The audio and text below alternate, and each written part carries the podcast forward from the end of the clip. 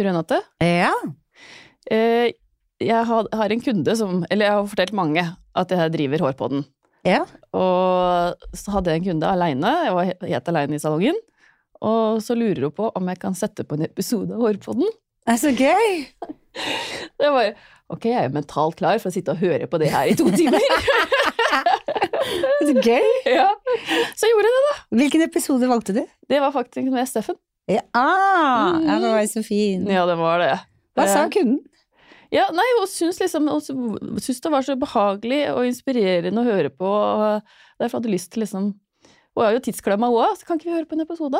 Så koselig. Ja, Ja, Ble du litt stolt? ja jeg gjorde det. det var, med en gang tenkte jeg bare å nei, det kan jeg ikke gjøre. Men det, det var egentlig bare kjempehyggelig. Ja. Og så begynner du å snakke, da, så det ligger jo litt sånn ja, ligger i bakgrunnen. Ja. Ja, men så gøy! ja så det var en ny opplevelse. Ja, ja fy søren, det var en bra opplevelse òg, da.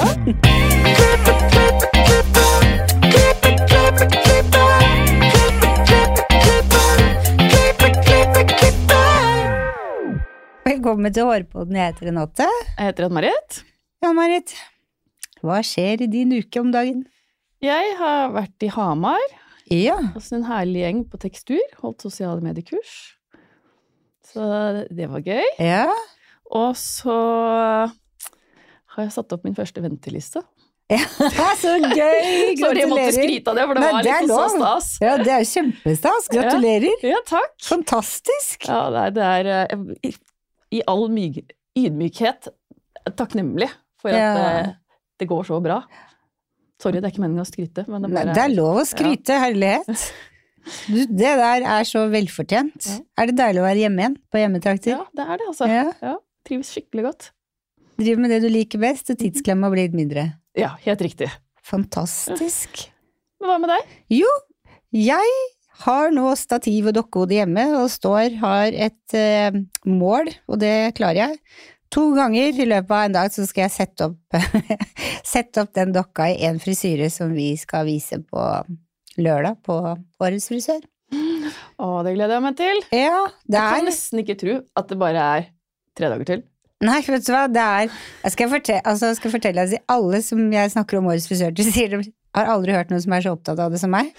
Men vet du forrige mandag med det snøfallet som var, så var jeg faktisk litt irritert, for jeg tenkte nå er det vår, det er mars, nå skal det bli vanskelig å komme fram. Og så sitter jeg på trikk og tenker jeg, nå må jeg bare snu den tankegangen, tenk på noe hyggelig. Så tenkte jeg, Årets frisør, det er litt under to uker til. Og da, det skjer noe i meg, så jeg blir så glad av tanken Det at vi skal ut i bransjen.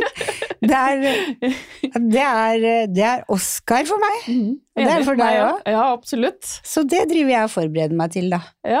Jeg gleder meg veldig til å se showet deres. Ja, det Mhm. blir kjempestas, og så gleder jeg meg til å hilse på hun som leier stol hos deg. Ja, Margrethe. Ja, for det skal hjem til meg. Ja. Og det gleder Ja, jeg meg oss tre til. på vors. Yes, Ja. det blir veldig koselig. ja, det gjør det. Men det som også er veldig koselig, er at vi har jo med oss en gjest i dag. Og dagens gjest er en veldig kunnskapsrik mann med mye engasjement for faget vårt, og han jobber for Loreal. Han har vært på Hårpåden tidligere, og i dag skal vi bli enda bedre kjent med han. Velkommen til oss, Øystein Rudåsen. Tusen takk. Det er- Velkommen tilbake! Ja, takk for det. Forrige gang var vel under pandemien, og da satt vi litt på hver vår kant. Ja. Med tøfler og joggebukser og, og hva det måtte være. Og så finstasen over til. Ja. Men Nå er det annerledes. Det er veldig hyggelig å, å være i studio sammen med dere. ja, og møte deg live. Det er Ja. veldig ærefullt å, å bli invitert. Det er ikke alle forunt det, og jeg syns at eh, det dere har skapt, og det dere har fått til, er fantastisk moro. Dere er veldig flinke. Det er mange som hører på dere, og det er en snakkes. Det er virkelig sånn et eh, flott tilskudd eh, i bransjen vår, som jeg er veldig, veldig glad i. Så dere skal ha all honnør og ros for det dere har fått til. Og det sier jeg ikke fordi jeg er gjest, det sier jeg fordi jeg mener det. Det er virkelig bra. Det er nytenkende, det er nyskapende, det er spot on tidsmessig. Selv om dere har holdt på i fem år eller der omkring, og over 200 sendinger eller hva det er, så, så er det likevel eh, Dere tar tidsånden på en utrolig bra måte. Jeg er veldig bra. Veldig, veldig stolt av å få lov til Så å være her. hyggelig å høre. Ja. Å, det var så koselig å høre! Kom grine litt? Nei, det kommer rett fra hjertet. Ja. Det Ja. Å, tusen takk. Det betyr veldig mye å høre. Ja, det gjør det faktisk. Ja. Det Mhm. betyr masse for oss. Og nå, du nevnte inne, det er mars, og de har meldt snø igjen i kveld. Du Altså, tuller? Er det, er det mulig? Nei? Og da må jo vi skape varmen. Vi må jo skape den vårstemningen og den Ja. gleden i hjertene og sinnene til, til, til lytterne. da. Ja. Og ikke minst frisørene for sine kunder. Det er jo kjempeviktig. Så den er lille ekstra, så kan man skape vårstemning uansett, selv om det måtte snø litt i mars. Ja. Ja, ja. Ikke sant? Det eneste som jeg kan tenke meg er positivt med den snøen, er for alle barna som skal gå på ski i påsken. Ja da. Mm. Men jeg vil ha vår! Ja, vi er helt enige. Vi er helt enige. Vi slår slag for våren. Ja. Vi vil ha den nå. Så får snøen ligge på fjellet. Ja. Og våren er jo positivt for bransjen også, når folk strømmer mer til salongene. Mm. Og eh, man vil kanskje friske seg opp og ha ny look og alt dette. Det er jo Mm. kjempebra. Så våren er, er Det er da for du bare tørker støv av alle foliene. Ikke sant? Ja, ja. Veldig bra. Ja. Men hvordan kom du inn i denne bransjen? Ja, det er jo så mye annet her i livet. Da. Det er tilfeldig. Det er jo ikke sånn at uh, jeg satte meg ut en kurs da jeg var ung at uh, den bransjen skal inn i. Men jeg begynte i et firma på, for mange, mange år siden som eh, også hadde agenturer på, på Loreal-produkter. Og så, eh, etter, å være noen, etter å være noen år i en annen avdeling, så var det en åpning eh, i frisørbransjen. Tenkte dette så spennende ut, så jeg søkte internt og stilte opp på intervju og, og fikk jobben. Og siden har jeg ikke sett meg tilbake. Nei. Og det er ikke fordi at uh, man tenker man skal være sånn i flere tiår i et firma eller i en bransje, men det er rett og slett fordi at uh, det er veldig gøy. Det er veldig moro. Det er veldig givende. Det er en fantastisk flott bransje. Eh, Fantastiske mennesker. Man får utvikle seg hele tida, og plutselig så er det gått mange, mange år. Så eh, det med at veien blir til mens man går osv., det, det ligger veldig mye i det. Det er jo ikke alt her i livet man kan planlegge, eller skal planlegge. Men så må du også ta de utfordringene som, som kommer på strak arm, da, og være villig til det. Og eh, i alle bransjer så kan man jo lett bli bakpå og satt og, og eh, fat and lazy, som, eh, som det heter. Og det er jo en fare for det overalt, så du må hele tida ville lære nye ting. Du må ville utvikle det, du må ta til deg nye lærdom, ny kompetanse. Og ikke minst nå i dagens samfunn så er det jo ekstreme forandringer Mm. som jeg syns er fantastisk moro.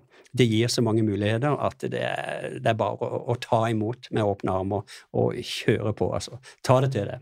Det er det beste tipset også jeg kan gi til, til alle unge. Ta imot det som kommer. Eh, bygg selvtillit etter hvert som du lærer mer. Eh, bruk nettverket rundt, rundt det. Lær av andre, og si til deg sjøl at 'dette kan jeg få til', 'dette skal jeg klare'. Ingen kan alt, men du kan lære underveis og bli kjempegod i, det du har valgt å drive på med. Så jeg har aldri sett meg tilbake. Og jeg ville gjort det samme igjen. Det har vært helt fantastisk. Men det beste ligger jo foran. Ja. Selv om man er godt voksen, så ligger jo det beste foran. Mm. Du kan ikke bare tenke at det beste har vært. Det beste er nå, og det ligger foran. Så må vi Mm. tenke, tenker jeg. Ja, Mm. ja, det likte jeg å høre. Virkelig. Ja. Men du, men du sier bransjen er i forandring. Hva er det du ser er i forandring? Det er to uh, hovedting. Det ene er teknologi, og det andre er bærekraft. Eh, det er forholdsvis nytt med bærekraft. Mange har snakket om det, og for mange mange år siden så var det jo grønn salong, og det var ikke måte på, ikke sant? Det blir ikke noe mer eh, ut av det. Eh, og vi for vår del har jo virkelig satt bærekraft på, på agendaen. Det er superviktig for hele Loreal-konsernet, med Loreal for the Future, som er et program som, som omfavner alle FNs bærekraftsmål. Men vi har også tatt det ned eh, til frisørbransjen med et eget konsept som heter Hairstylist for the Future.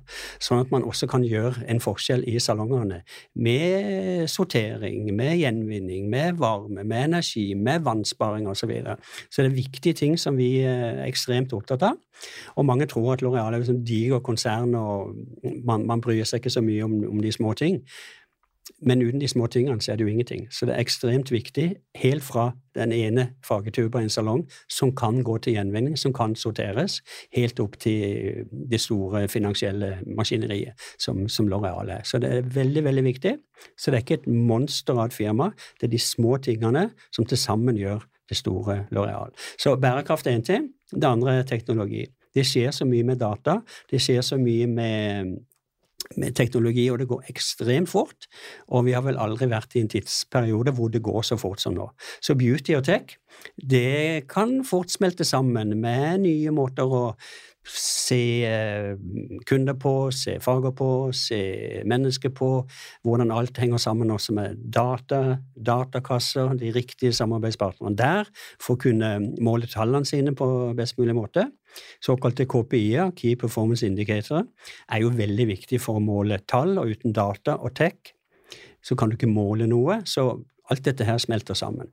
Så tech og bærekraft er to viktige ting som, eh, som kommer til å akselerere kjempefort. Vi har bare sett begynnelsen. Mm, ikke, for, ikke for, det at det er, det er liksom i tidsriktig at nå skal man snakke om det, og nå er det politisk korrekt, men det er ekstremt viktig. Det er viktig for oss alle, og vi kan ikke bare feie det under teppet, og alle må, Nei. gjøre, alle må gjøre sitt. Og hvis Mm. alle gjør bitte litt, Mm. så kan vi eh, gjøre en stor forskjell. Og alt som koster penger, kan jo for mange frisører være ja, veldig bra, men det er for dyrt. Altså Til syvende og sist altså, det er enda dyrere å la være. Vi må bare. Mm. Og så må vi ta den tieren ekstra for en behandling. For det til syvende og sist så vil så, Vi har et ansvar, og vi må ta det ansvaret. Og vi må gjøre det. Vi som bransje, vi har en plikt til å gjøre det. Vi forbruker mye, og vi har en, en plikt til å gjøre alt det vi kan, tenker jeg. Veldig viktig. Jeg bare har ett spørsmål som jeg har tenkt på flere ganger. Ja. Folier. Ja, Har dere kommet opp med en løsning å resirkulere de? Alt, alt går til, altså Vi samarbeider med Stena, Stena Recycling, og de har systemer for å, for å gjenvinne absolutt alt som er. Ja. Så det er fantastisk. Hvordan man gjør de forskjellige tingene, det er jeg ikke ekspert på. Men at hvis du, hvis du hooker opp med oss og med Stena Recycling, så kan alt avfall hentes i salongene i forskjellige typer beholdere Ja. og gå til, til gjenvinning eller v- varmeskaping f.eks. osv. Så, videre. så det er helt fantastisk. Andre eksempler på, på hva man gjør Jeg skal ikke gå gjennom alt som Loreal har på programmet, men det er litt morsomt å vite at er små, den er, altså Vi har fabrikker rundt forbi, ikke sant? og vi har jo nå 100 sites rundt forbi verden, altså kontorer og fabrikker, som er 100 karbonnøytrale. Og det er ganske kult. Der er, der er landsbyer som bruker spillvannet fra vår produksjon til å varme opp hele, hele landsbyen. Det er ganske tøft. Wow, ja, sånn at ikke det går til, ikke det går til grunne. Ja. Så, og vi har også, eh, vi har også utvikla kunstig fremstilt hud, om man vil, altså bakteriekulturer som, Ja. som, opp, som oppfører seg som hud, for å kunne forske på det istedenfor levende individer. Så det, det er ganske fantastisk. Så vi er langt fremme, og vi er kjempestolte av det. Ja. Og nå er det også tidsriktig å snakke om det.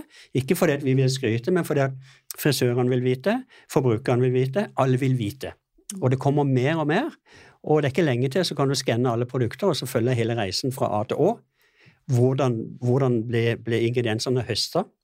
Eh, hva slags samfunn, hva slags mennesker, hva slags eh, produksjon, hva ligger bak? Altså helt fram til jeg satt i hyllene i en frisørsalong, f.eks., eller brukt den fargetuba. At du kan skanne hele reisen til en produkt for å se om det scorer bra nok i forhold til, til Wow. normene som er. Så framtiden er, er rett og slett å bry seg mer om hverandre? Altså bry seg Ja. om hvor ting kommer fra? Ja, og- klart. Alle er Ja. opptatt av det, og mer og Mm. mer. Og de som ikke er opptatt av det nå, kommer garantert til å bli opptatt av det. Vi, altså, vi, har, vi har ikke noe valg. Så dette brenner vi veldig for, ikke bare meg personlig, men de brenner veldig for det, for det i, i hele firmaet.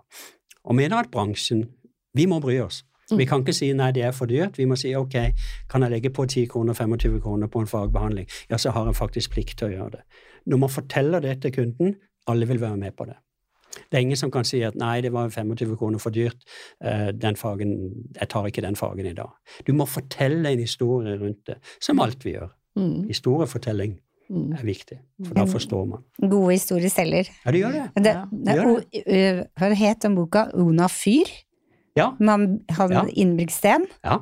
Han har jo mange sånne gode fantastisk. historier. Ja, du blir så inspirert person, av å lese Ona den Fyr, boka. Hvilken bra het boka, sa du? Ona Fyr. Ona Fyr. Oh, ja, Ja. nei, det er ikke løst. Nei, det har, det har med gode historier, og Ja. hvordan det påvirker oss til å ville kjøpe det produktet som har en bra historie. En god bok som er aktuell ennå. Ja. Nokia, for Ja. eksempel. 'Connecting People'. Ja. Kjøpte du deg Nokia, da? Fordi du bandt menneskene sammen. ja, ikke sant? For ikke å snakke om L'Oreal sin, 'Create the beauty that Ja. moves the world'. Sant? Create the beauty that moves the world. Det sier så mye. Ja, absolutt. absolutt. Den er veldig god. Det er hele firmaet altså, med, med alt det L'Oreal står for, som, som bruker det, det slagordet. For dere har jo mange foundations som Ja, dere ja, vi har masse. Vi har masse. Altså For de som er veldig interessert i alt vi gjør, så kan man gå inn på loreal.com og se alt vi gjør. Det er et eget kapittel, en egen eh, plass der med, med alle våre foundations, alt vi støtter. Om det er Women in Science, om det er hva det skulle være. Altså det, det er voldsomt. Eh, For å få funksjonshemma inn i arbeid, eksempel, er noe penger som går tilbake til vanskeligstilte. I Norge så gjør vi også noen helt konkrete prosjekter. Blant annet så støtter vi Oslo krisesenter. Eh, vi har eh, samarbeid med, vi har samarbeid mye med Røde Kors. Vi har gjort mye med Leger uten grenser. Så vi er engasjert lokalt, og etikk og det å gi tilbake til samfunnet er en viktig del av hvordan vi opererer. Og akkurat i disse dager så blir vi igjen, for n-te år på rad, på lista over verdens mest etiske selskaper. Det er det ene. Det andre er- Gratulerer. ja, takk. Det andre er at det er et eh, et, eh, man, man måler firmaet i forhold til hvilket avtrykk man, eh, man gir, eller setter på kloden. da. Og L'Oreal er det eneste firmaet med trippel A, altså det beste du kan få, trippel A-rating, for å ta vare på alt rundt oss. Og ikke nok med det, vi har, vi har altså fått det år etter år etter år, og det er vi kjempestolte av. Det eneste firmaet, uavhengig av bransje. Ganske kult. Ja, det er gøy. Ja. Dette er viktig at folk vet. Ja. så L'Oreal, ja, det er verdens største kosmetikkforetak. Det er det. Men det, vi er også ekstremt opptatt av å ta vare på alt rundt oss. Det er kjempeviktig. Så Når jeg, tenker, når jeg tenker på L'Oreal, så tenker jeg faktisk ikke på kosmetikk, men jeg husker på en ting du nevnte i stad, som jeg aldri glemmer, og det er det med å dyrke hud. Mm. For det var jeg hos dere, og så Ja. fikk vi se Mm. slides og hva Ja dere brukte til og sånn. Det har festa seg Ja, sånn ordentlig. Det er fantastisk. Vi var tidlig ute også. Ja. Eh, fabrikken eh, heter Episkin og ligger i området Lyon i, i Frankrike. Og eh, vi, har, vi er til og med i, i dialog og samarbeid med de kinesiske myndighetene for å kunne bruke den testmetoden også der. Så vi håper jo også at vi, vi lykkes med det. Ellers er jo det en akseptert vitenskapelig metode nå worldwide. Og vi bruker teknologien også for andre. For du, du kan ikke sitte på den type teknologi alene etter hvert. Du må også dele med andre, sånn at, for det, det kommer jo hele samfunnet til gode. Så, så det er vi stolte av. Og så går dette med tech også ekstremt fort, da, med kunstig intelligens osv. Så, videre, så det skjer veldig mye. Så hvem vet hvordan appene kommer til å se ut i fremtiden? Hvordan man kan designe frisyrer, eh, fag, altså you name it. Fantastisk. ja, det blir veldig spennende. gøy, altså. Ja. Så derfor, etter alle disse årene, når det skjer sånne ting som det digitale skiftet, det grønne skiftet, så er det bare å kjøre på. Så det er jo så moro. Og du, du, du føler det eh, oppegående, du føler deg vel, du føler du kan ta til deg nye ting og lære nye ting. Og det må vi gjøre i vår bransje. Det er en bransje hvor man skaper ting og gjør en forskjell for andre mennesker. Og det vil jeg også ha sagt i forhold til det bransjemessige. Hvilken annen bransje kan skape så mye glede hos et annet menneske? Altså, man har en, en kunde inn i stolen, i en tid, en time, to timer, og det kan forandre så mye for det mennesket. Og det betyr så ekstremt mye. Du har psykologer, du har leger, du har hva som helst, men en frisør, i forhold til den gleden og den forandringen du kan gjøre med et annet menneske, det er helt unikt. Det er ingen andre bransjer, ingen andre yrker, som kan det. Og det er så viktig. Og frisøren må også være stolte av det de faktisk kan gi til andre. Så mye positivitet, så mye glede, så mye følelse av velvære, så mye selvtillit man kan skape. Det er helt fantastisk. Det er helt fantastisk. Og det må man være klar over, for du har jo et ansvar. Du har et ansvar overfor kunden. Da må du ta det ansvaret. Og din plikt som frisør, tenker jeg, er å være best mulig. Best mulig faglig. Best på service. Best på samtale. Best på konsultasjon. Du må være god. Alle er ikke best på alt, men alle kan være gode og bli bedre. Og med time, for eksempel, i salongen sin. Altså, du kan ta det så langt, så langt du vil. Litt filosofisk her nå, men, men det er greit. Jeg, jeg mener det virkelig. Du gjør en forskjell for andre mennesker som betyr mye mer enn det man ofte aner. Mm. Så, Jeg er veldig enig i det du sier der. så gjør du en forskjell for deg sjøl òg, når Ja. du går hjem og veit at du har gjort noe bra. Er, Det er jo en, ja, det er jo en grunn for at når du skal på jobb på mandag, at jeg gruer meg ikke like mye til å gå på jobb som andre jeg kjenner gjør. Jeg gruer meg ikke i det hele tatt. Jeg Nei, gleder meg. Mandag er herlig. Ja, du Ja. ser på lista, så tenker du 'å, den skal jeg ha, den skal jeg ha', og så begynner du å planlegge, og så er det Ja. bare koselig. Ja. ja, rett og slett bare ja, koselig. Det er Mm. veldig mange som, eh, som har det vanskelig på jobb, og det er jo kjempekjedelig. Men det er jo også opp til I vår bransje da, så er det jo veldig opp til både kolleger, men også ledere. Så vi jobber mye med, med, med lederskap og, og utdanne frisørledere til å bli enda bedre ledere. Fordi at man har et ansvar for andre mennesker. Og eh, empati er jo noe som er sterkt i, eh, det er jo nesten et motor innen lederskap. at eh, altså, Tidligere så var man sjef, ikke sant, mm. eller den klassiske sjefen. Det funker ikke da. Ingen som gidder å jobbe for den type eh, gammeldags boss eller sjef. Det er jo ledere som kan få andre mennesker frem, mm. og ledere som tror de kan absolutt alt. Feiler totalt, eh, etter mitt skjønn. Ja, men det gjør det. Du må se det beste i andre og bygge videre på det de er gode på. Og så kan du selvfølgelig også fylle på med, med, med nye kunnskap på områder hvor man, hvor man trenger det. Men som, som, leder, og det å tro at man kan alt og er best på alt, den tida er forbi, altså. Så ja, for du føler du det, det har vært liksom en utvikling? At, veldig. Ja. Mm. Veldig. Og det er viktig for oss da, med, med vår posisjon som Loreal å også trene andre frisørledere på dette. Så vi har mye lederkurs hvor vi jobber med dette. Jeg syns de beste lederne jeg har hatt, er de lederne som fremmer de kollegaene som ja. har bedre egenskaper enn de på felt de ikke er like gode på, ja. og så skaper et team ut av det, istedenfor å bare fremme seg sjøl ja. og holde andre nede. Ja, og der det er, det nok mange frisørledere som kan ta til seg det, at det, det handler ikke om at du skal være best. Nei. Det handler om at du kan på en måte dirigere orkesteret og få eh, solistene til å skinne, mm. og få koret bak der til å synge de mest fantastiske strofer, eh, og få alt til å, til å klinge sammen. Det er superviktig. Å få fram det beste i andre og se det. Mm. Eh, en dirigent kan ikke spille alle instrumenter, men han kan få andre til å spille bra sammen. Og det er det det handler om. Ja. Mm. Du driver og lag, har et kurs nå i business å, vi har masse kurs. Helt dere, har, dere har det, ja? Kjære vene. Bare, bare trykk på knappen. Men hvis vi snakker business ja. altså Det er jo mange gode produkter, og det er viktig å kunne sin fagteori og kunne bruke alt riktig, selvfølgelig, for å skape best mulige resultater med tech eller, eller uten tech. Eh, men business er jo en viktig del av det. For flere og flere frisørbedrifter blir jo mer og mer profesjonelle, og det er mer og mer behov for kompetanse og kunnskap. Og vi bidrar gjerne, og hvis du refererer til Selv om business suksess, som er et av de siste vi jobber med, så handler jo det om å kunne gå inn i tallmaterien sammen med, med, lederen. Kunne analysere tallene på, på riktig måte. Det krever jo at de som er med på det, også åpner opp om, om sine tall ikke fordi vi skal grave i noen ting som helst, men for å kunne bidra, så, så ble vi enige om at det er noen nøkkeltall vi kan se på sammen. Og så kan vi regne oss fram til Eh, hvordan kan salongen utvikle seg hvis vi gjør A, B eller C? Eh, hva hvis du trykker på den knappen? Hvor mye omsetning kan det generere? Hvordan kan overskuddet bli hvis det, man, man, eh, øker fageprisen med ti kroner, f.eks.? Hvis vi får flere kunder hver dag? Hvis vi har en høyere rebooking? Hvis vi får mer ut av hver kunde? Det er jo dette som vi kaller den magiske formelen. Sånn at vi hele tida kan jobbe sammen for å, for å, få en best mulig business.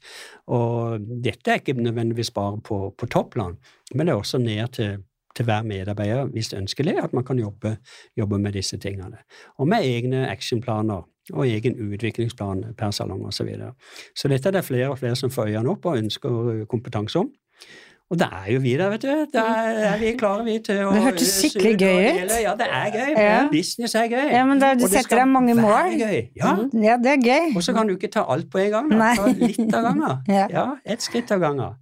Ja, for det er jo de som blir ledere, de har jo ikke De kommer jo fra gulvet og blei ledere. Mm.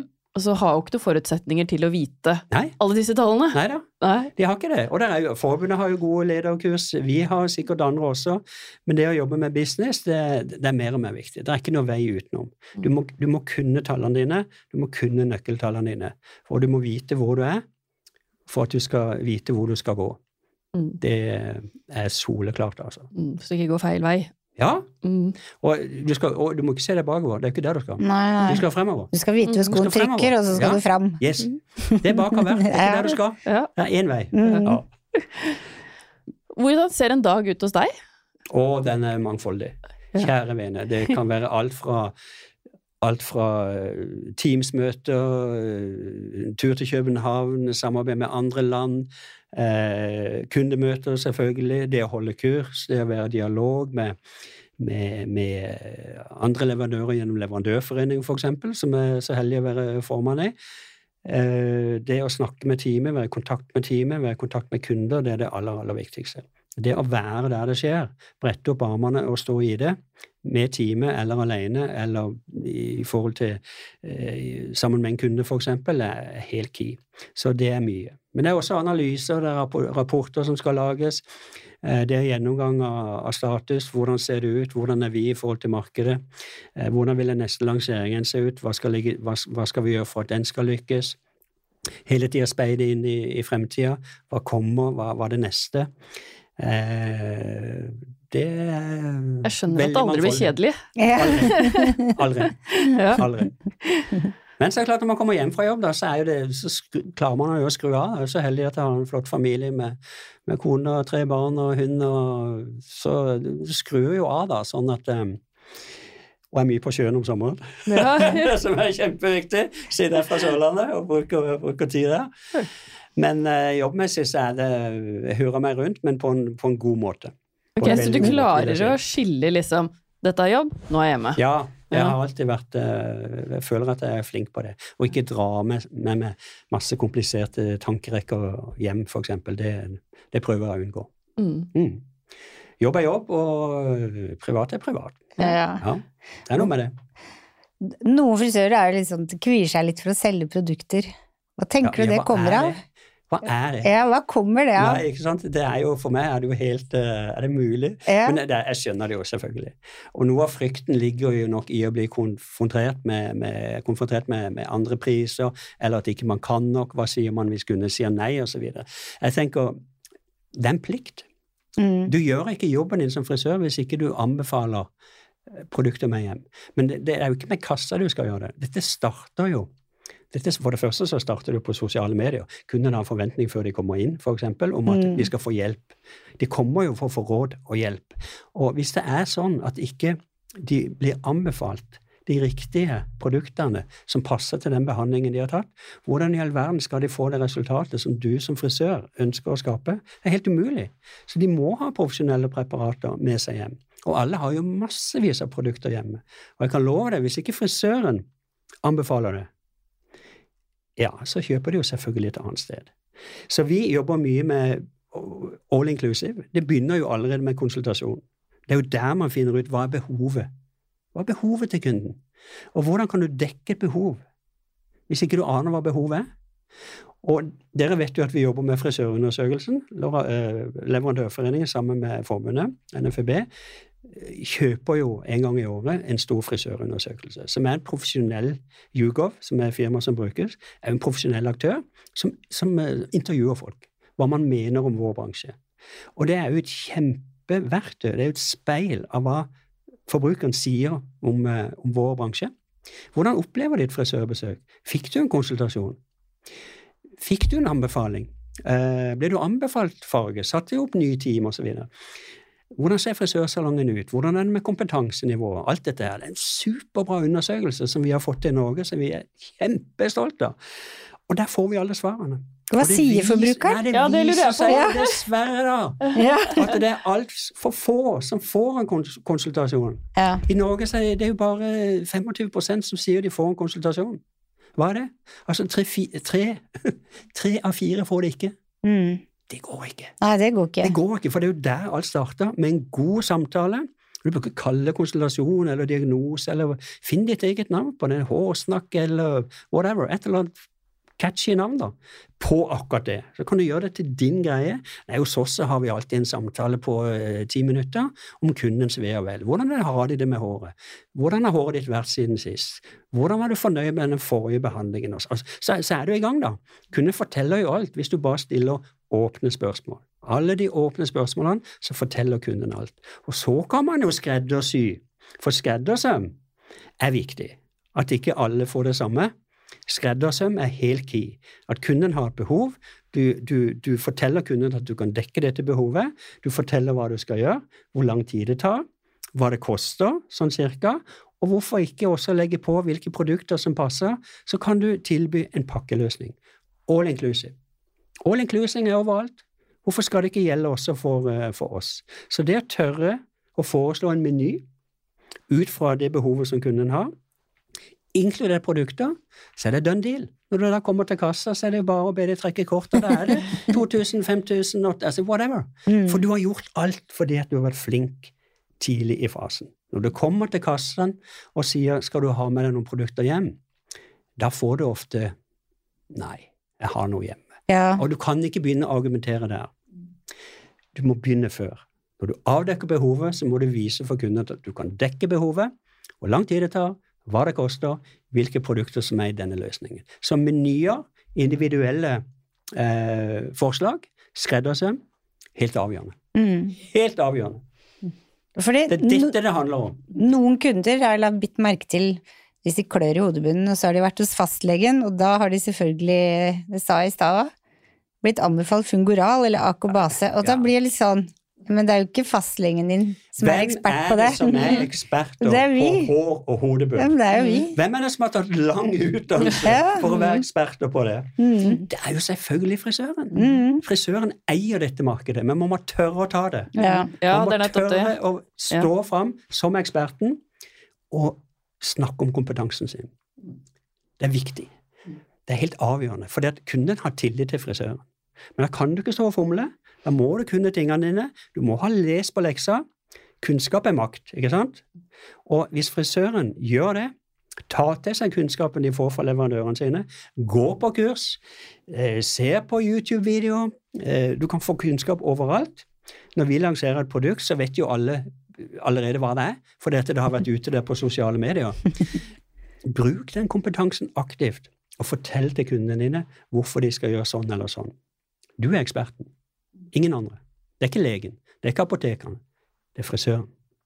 Frisøren har all makt hvis de tør å bruke det. Så det vil jeg slå et slag for. Våg å by på kompetansen din. Våg å foreslå. Våg å gi eh, individuelt tilpassa løsninger til kunden. Du får igjen tifold. En annen, eh, litt fakta i forhold, til, eh, i forhold til en annen undersøkelse vi gjør, i forhold til data fra bransjen. Det viser seg at eh, drop-in-salget, altså salget i frisørsalonger, det holder seg sånn kronemessig relativt stabilt. 13-14 ish av omsetningen ligger gjerne videresalget på. Og prisene stiger jo på behandling og på klipp og på alt. Det stiger også på produkter, men prosentvis så ligger det sånn relativt likt. ok? Det som er skremmende å se, er at de kundene som er inne og tar en behandling, der er salget helt elendig. Vi snakker 5-6-7% Så de ligger jo i ei gullgruve og venter på seg. Hvorfor ikke benytte anledningen til det vi snakker om her nå? Gjør anbefalingen din, gjør konsultasjonen din, avdekk kundens behov, og vis at du kan dekke det behovet. Jackpot. Gull! Mm. Gull, dere! Ja, det er det. Ja, Og vi det får er jo så mange muligheter. Ja. Vi får jo ekstra drahjelp av sosiale medier også, så Ja. det burde jo egentlig ikke vært noe problem. Nei, det, det, er, det er en sånn, det sier hvor, hvorfor tror dere at de er redde? Og mange er nok det. Og det, det ene er priser, av varierende priser rundt forbi på forskjellige kanaler. Eh, og det er også at eh, hva med kunnskap? Hva hvis jeg stiller meg et spørsmål tilbake? Mm. Ok, det er din fordømte plikt å kunne sakene dine. Det er din Mm. fordømte plikt å vite hva du bruker, og hvorfor du bruker det, og hvordan kunden skal bruke det. Det er jobben din. Det er en viktig del av jobben. Og igjen tilbake til den frisørundersøkelsen. Det er veldig mange forbrukere som sier at de får ingen råd. De får ikke hjelp. De vil, for de sier at de stoler på frisøren. De vet at frisøren har kompetanse, men de får ikke den hjelpen de er ute etter. Ok? Så bare der ligger det millions. For en bransje! For noen muligheter! Ja, ikke sant? Vi må bare gripe det. Ja, det er klart. Ja. Det er grenseløst. Hva tenker du skal til for å rekruttere flere inn i bransjen vår? Å, det er mye. Ja, så Det er veldig mye. Eh, nå jobber jo Leverandørforeningen sammen med forbundet og har jobba i eh, og hatt flere møter og samtaler, og det har også kommet konkrete ting ut av det, og det er penger på bordet, som gjør at man ønsker jo å påvirke ungdom på best mulig måte, sånn at man er i startgropa i forhold til å jobbe med det. Man ønsker å påvirke skoler, rådgivere, foreldre.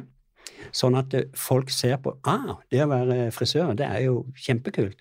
Og det har skjedd veldig mye også de siste halvannen til to årene. Jeg har sikkert hatt merke til nye videoer som har poppa opp. Plutselig var Jan Thomas der og snakka om bransjen. Altså, det skjer veldig mye.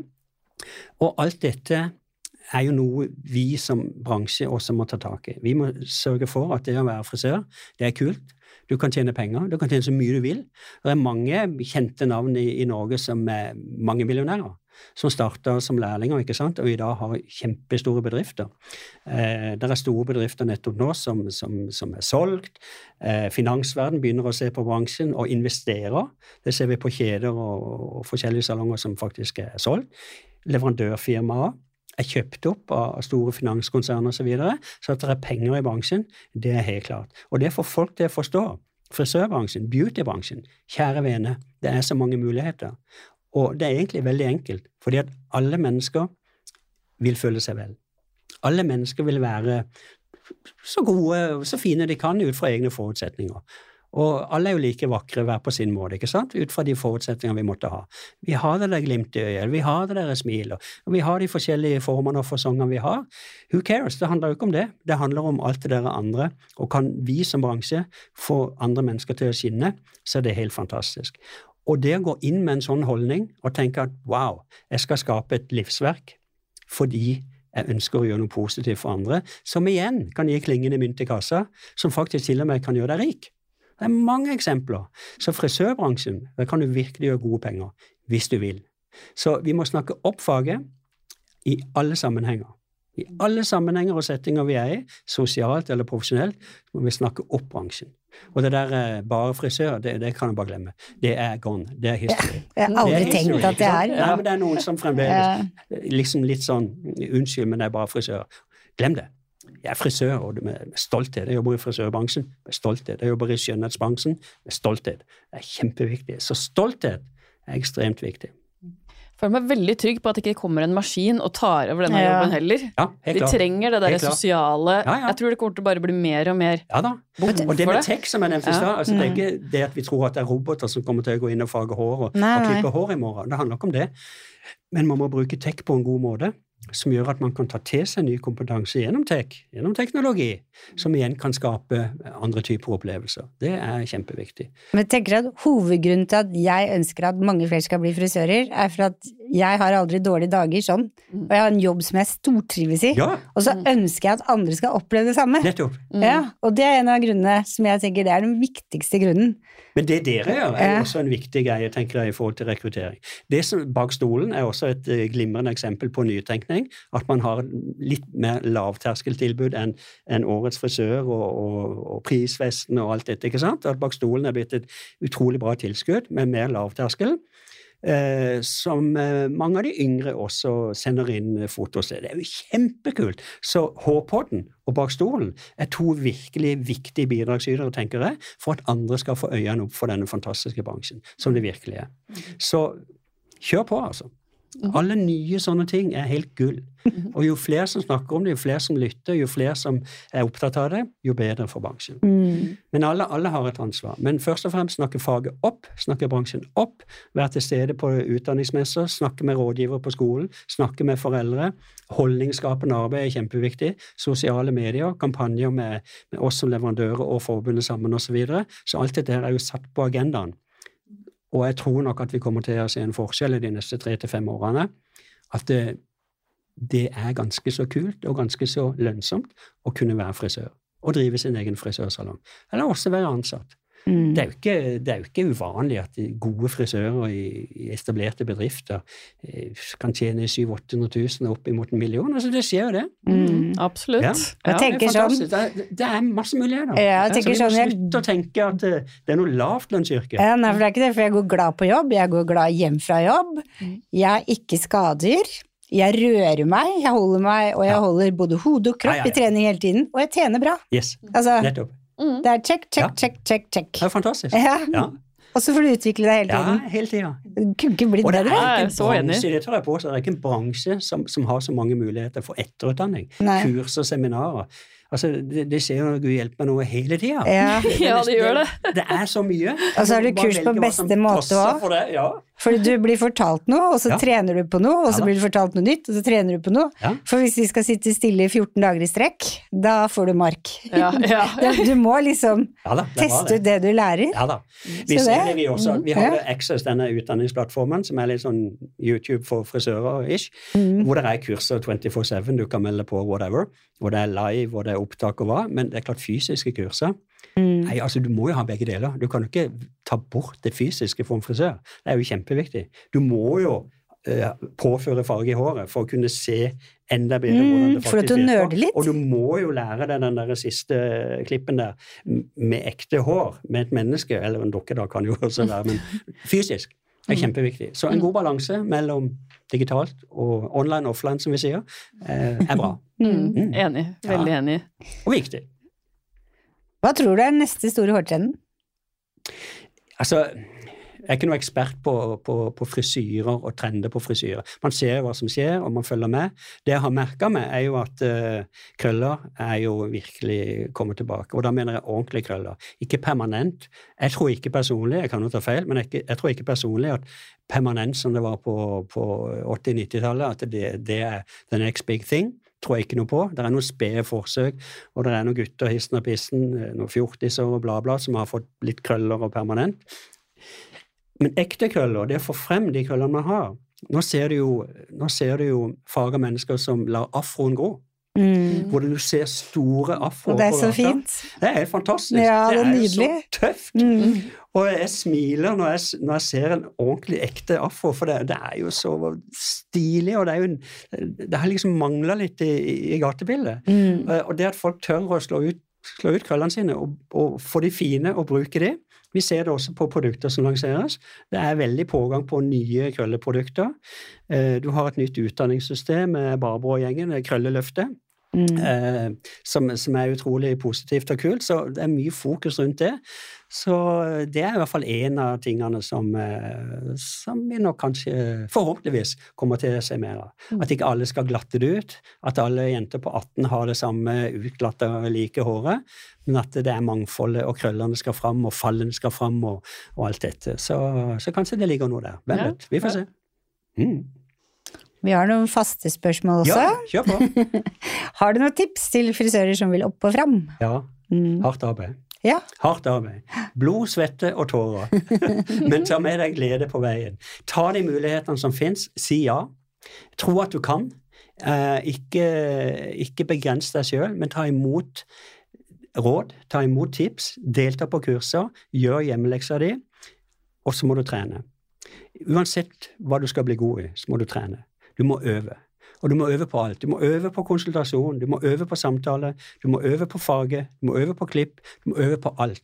Og det aller viktigste vi gjør, gitt at fagkunnsk fagkunnsk unnskyld, fagkunnskapen er bra, er jo å kunne snakke riktig med kunden i forhold til hva er behovet. Øv på samtale. Øv på konsultasjon. Gjerne rollespill.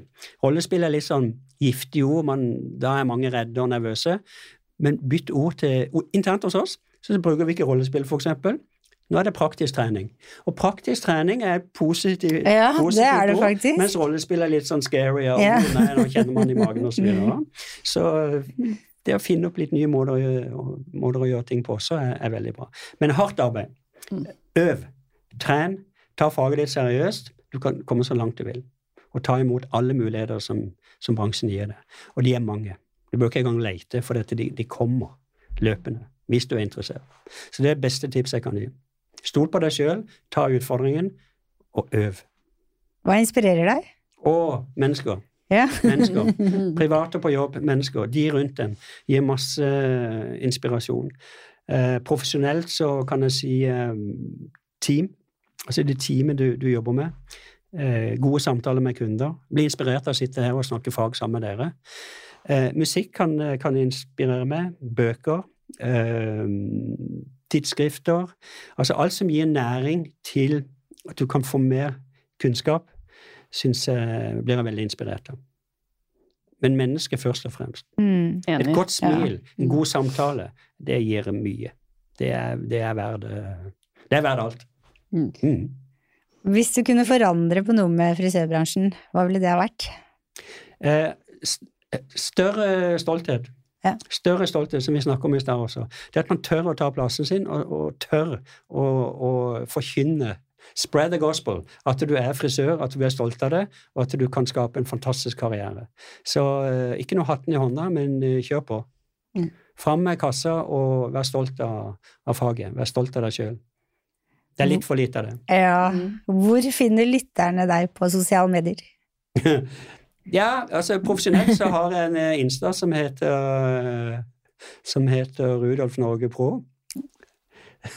som, der har noen flittig noen små poster i ny og ne, og profesjonelt, men også litt sånn litt personlig av og til.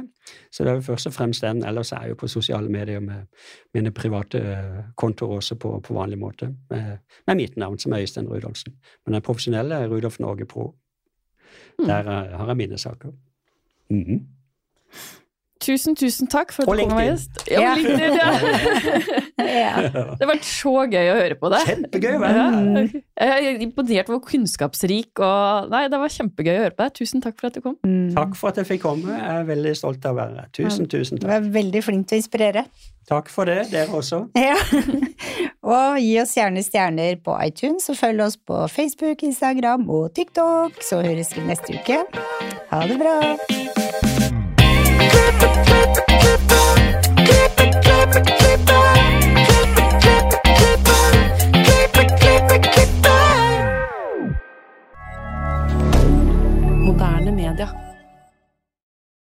Har du et enkeltpersonforetak eller en liten bedrift? Da er du sikkert lei av å høre meg snakke om hvor enkelt det er med kvitteringer og bilag i fiken, så vi eh, gir oss her, vi.